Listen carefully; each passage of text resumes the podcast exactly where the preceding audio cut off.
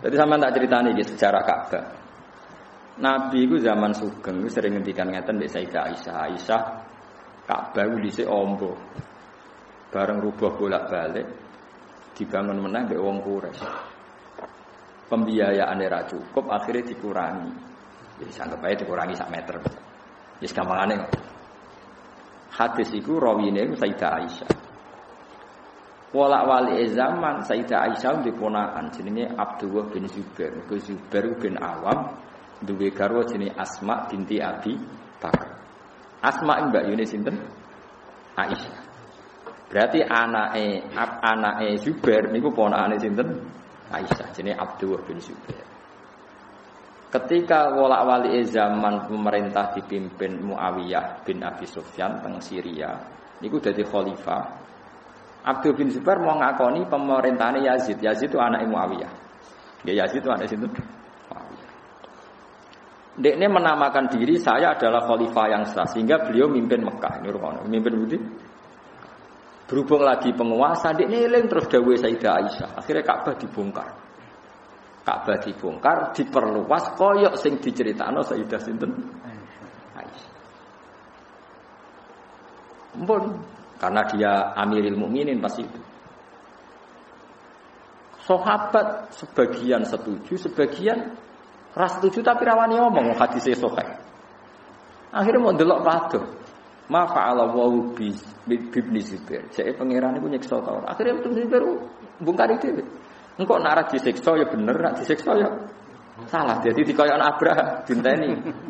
Ternyata orang ono burung ababil enggak ada apa-apa. Terus dia mulai ngewangi. Ada mulai ngewangi selesai. Walawal zaman walhasil dawe guru-guru kula Abdul bin Zubair akhirnya sering itikaf ning Ka'bah. Walawal zaman dikepung kalian kelompoknya Yazid sampai dipanah kapundhut ning pinggir Ka'bah. Pas niku panglima Yazid dipimpin Hajjat, sinten? Hajjat. Karena ngerorong nakal raimu koyo hajat. Perkara ini uang fasek ya rawani mata ini pinggir Ka'bah, hajat wani mata ini uang pinggir apa? Ka'bah. Jadi pertama orang yang menodai fil Islam Ka'bah ini hajat. Tapi sebagian uang ya, marga Abdul bin Zubair itu berubah Ka'bah, melani kualat. Ya ono wong sing komentar ini basa apa Tapi walhasil setelah itu Mbak Yazid instruksi kon balik nomornya. Akhirnya dibalik nomornya. Nah, Semenjak itu terus Imam Malik, Imam Syafi'i, kuwabe ngeron bakas Ka'bah itu duka. Ora usah kecangkeman, wis Ka'bah ben ngono iku ila. Tapi meskipun do ngebarno bentuke Ka'bah tetap do fatwa. Kena kepengen tawaf sah mujma alaih. Seluruh ulama di dunia qadiman wa hadisan usahakan tawaf kamu itu agak menjauh dari Ka'bah. Soal kowe engko kangen kepen nyekel Ka'bah, usahakan jangan pas tawaf rukun. Jangan pas tawaf ifadah, jangan pas tawaf rukun lah kowe. Ya pas kangen Ka'bah serono cekal-cekel ya tapi ora usah. Ya kula tak akali kono kula bolak-balik jam 3 bengi kepengin nyekel Ka'bah rono. Gusti boten tawaf lho niki dadi kowe di perjanjian kok nak tawaf masalah. Tapi keyakinan kula, kula yakin enul yakin sing tawaf mepet Ka'bah iku sah. Piye-piye ora roh. Ora roh nggih barokah. Kula yakin enul yakin pokoke sing tawaf nyekeli Ka'bah napa? Siji ya faktor Allah Rahman Rahim. Nomor loro entek akeh. Entek akeh darani rasa abot tenan. Tapi ini dia hukum ya, tetap kula aturaken teng mriki. Tentu sampean ben ngerti. Jadi tradisi ini ulama iki benten. Ya tradisi ini ulama ning napa? Benten. Mergi Ya semua tadi kurang kena diterang. Ya pokoknya ngoten niku ora kena diterang. Dan ulama ini seloro tenan, mergo duwe hukum sing kadang ora populer cara. Tapi kula yakin ulama sak dunya rata-rata nggih fatwa darani sah. Mas yo mepet Ka'bah ya sah. Tapi ora wani nglakoni. Kula bolak-balik ketemu ulama sing saya. Kaifa taqulu fi man tofa hawalayal Ka'bah ma'anahu yumkin ayakuna dalika dakhilal Ka'bah. Ya oleh menista. Tapi tak delok wong itu ora wani dene pikir Ka'bah. Mergo resiko. Napa? Nah itu yang pintere kitab Fathul Mu'in ini. Fathul Mu'in kan membuat saran kalau enak tawaf berdiri tepat pinggir Hajar Aswad, terus kamu berjalan, usahakan jangan menyentuh sadarwan Ka'bah. Sadarwan itu ya kira-kira kan ada Ka'bah kan terus ada pondasi kan, pondasi agak keluar. Nah, usahakan jasad Anda atau tubuh Anda jangan menyentuh nopo sadarwan. Nah, ini kalau nganggep fatwa ini ya wong alim tenan. Saya wong alim ya wong alim. Itu itu fatwa yang luar biasa menurut saya karena itu satu-satunya solusi supaya sah mujma'al. Paham ya? Supaya sah. Tapi kalau suwon sing wis kadung gitu. Nanti duit ya baleni. Baleni sing sah maksud baleni salah nih. Tapi kalau yakin sah, kalau ya, kalau yakin Allah itu tidak kayak ulama fikih lah, tetap apian. Komnas wis adol tegal, adol macam-macam, macam-macam. Tapi ojo terus ilmu ra dibakar ya kita darani yakin mergo rahmane Allah. Ya wong salat terus gedang, kalau takut wong salat terus gedang hukumnya piye ya. Tapi kowe aja terus darani aturan sah sing model ngono iku yo kacau. Ana wong awam, salat terus gedang ya ratu maknina Fatihah itu iru. Kula lah darani sah piye wong awam. Tapi aja didarani salat model ngono iku panduan sah. Beda, jadi hukum itu beda, ana sah mergo di sepuro, ana sah mergo sesuai aturannya Allah lan Rasul. Waktu gale jawab ya Abu Hanifah. Abu Hanifah pancen pinter tenan. Kowe nak dagang itu syaratnya akad itu apa ijab kabul. Terus wong marung itu nyolong apa hibah. Wong urung mbok tuku gedang gorenge mbok pangan. Darani nyolong kok ning ngarepe wong akeh. Diarani hibah wong sing duwe ora ngekekno. Diarani jual beli kowe ora regane kok wis mbok pangan. Ijabem kapan ayo. Kira tau mikir ngono. Ayo jajal saya mergo? Anak alasannya wis umum Gus. Nah, anak bakule ra bener dikemplang. Nyong kamu gedang goreng 500 jebule dirgani 1500. Akhirnya Abu Hanifah darani semua ngono iku jenenge bek mu'atoh. Bek mu'atoh iku anggere barang sepele, wongan pangan kok bayar dulu. Engko regane anggar gak umum ya kowe oleh ngeles. Karena enggak jelas kan. Coba kowe mangan pas marung Mus. Kowe mangan gedang goreng alasan apa? Hibah gak dikekno kowe. Nyolong kok ning ngarepe wong akeh. Darani jual beli. Belum ada ijab kabul. Mesti ra tau mikir. Jadi banyak di sekeliling kita fakih-fakih yang belum terjawab. Urung masalah masjid. Orang suwi nembe geger sampai kiai-kiai daerah pulau perkara ini. Gus masjid ini hukumnya biye. Tapi ya hukumnya.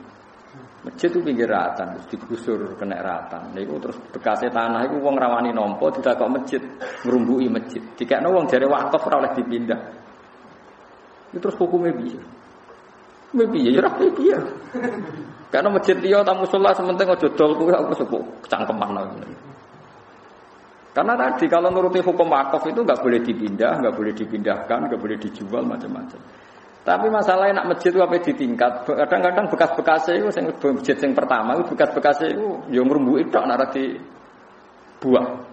Dibuat bekasnya apa? Masjid. Ya nak saran kula sik ana musala ta pondok. Pokoke juga ana lokalisasi ngono wae wis angel teman. Jadi eling-eling ngaji malam ini agak rumit tapi memang harus sampean ngerti ya. Eling-eling jadi hukum Quran itu nak sawangane beda jari Ibnu Abbas itu konteke beda-beda zamane beda-beda. Iku mirip kaya Nabi ditakoki Ya Rasulullah, ibadah paling abdul itu apa? Nabi menjawab, sholat di awal waktu. Kadang ada yang tanya, ya Rasulullah ibadah paling afdal itu birrul walidain. Kok mbokmu iku tuwa. Kadang enggak dijawab nyaur utang. Ya mereka raine wong sing takok beda-beda. Kasusnya ya beda. Ana wong iso nak salat tergebera karwan, tapi nek nyaur utang rapati gelem ya akeh. Ana wong nak iktikafne masjid ku betah. Awar mboke 10 menit ra betah. Mergo masjid ra kecangkeman, mbok kecangkeman. Kuat ning ndi kowe jejer mbok sak jam ambek masjid sak jam. Mbok sing sepuh. Jawab. Betah masjid, jangan-jangan kowe betah itikaf ning masjid mergo masjid ora kecangkeman, mbokmu. Tapi ono gak? Ridho wa fi ridhol masjid. Ora ana sing ngono ridho wa fi ridhol. Wa sukhtu wa fi sakhatil Jadi Nabi ya lho potongane wonge. Potongane wonge salate wis bener dijawab. Penting kuwi birrul walidain. Yo terus kowe ora perlu karang kitab. Nabi jawab tidak konsisten. Ini gimana ini? Gimana mbahmu? Enggak konsisten jawabnya. Pertanyaannya sama, jawabnya beda-beda. Maksudnya apa?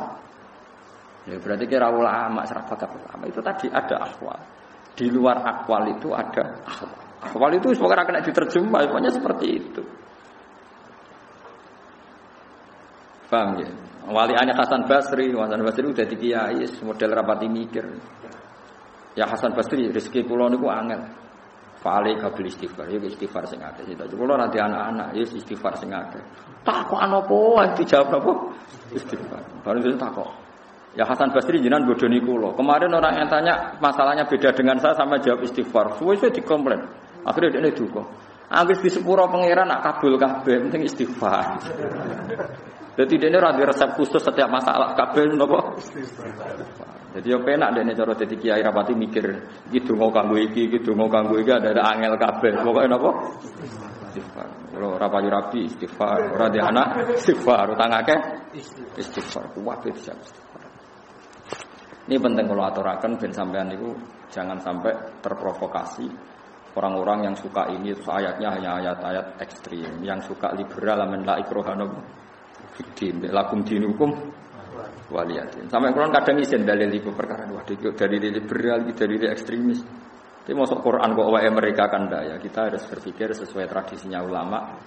Quran itu ada muhimil ikhtilaf. Eleng-elengnya ada muhimil ikhtilaf. Secara lahir itu beda-beda. Itu dari Ibnu Abbas memang konteksnya beda-beda. Padahal Ibnu Abbas adalah orang yang digelari para sahabat tarjuman Quran.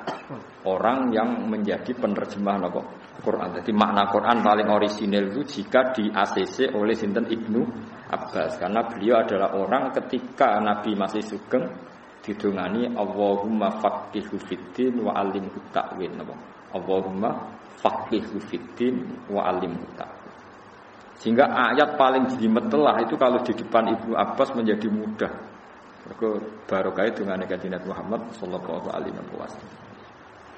Pun gini jelas ya jadi fahum la alun teng mriki niku beda atau beda zaman dengan ayat waqifuhum innahum apa waqifuhum innahum mas'ul.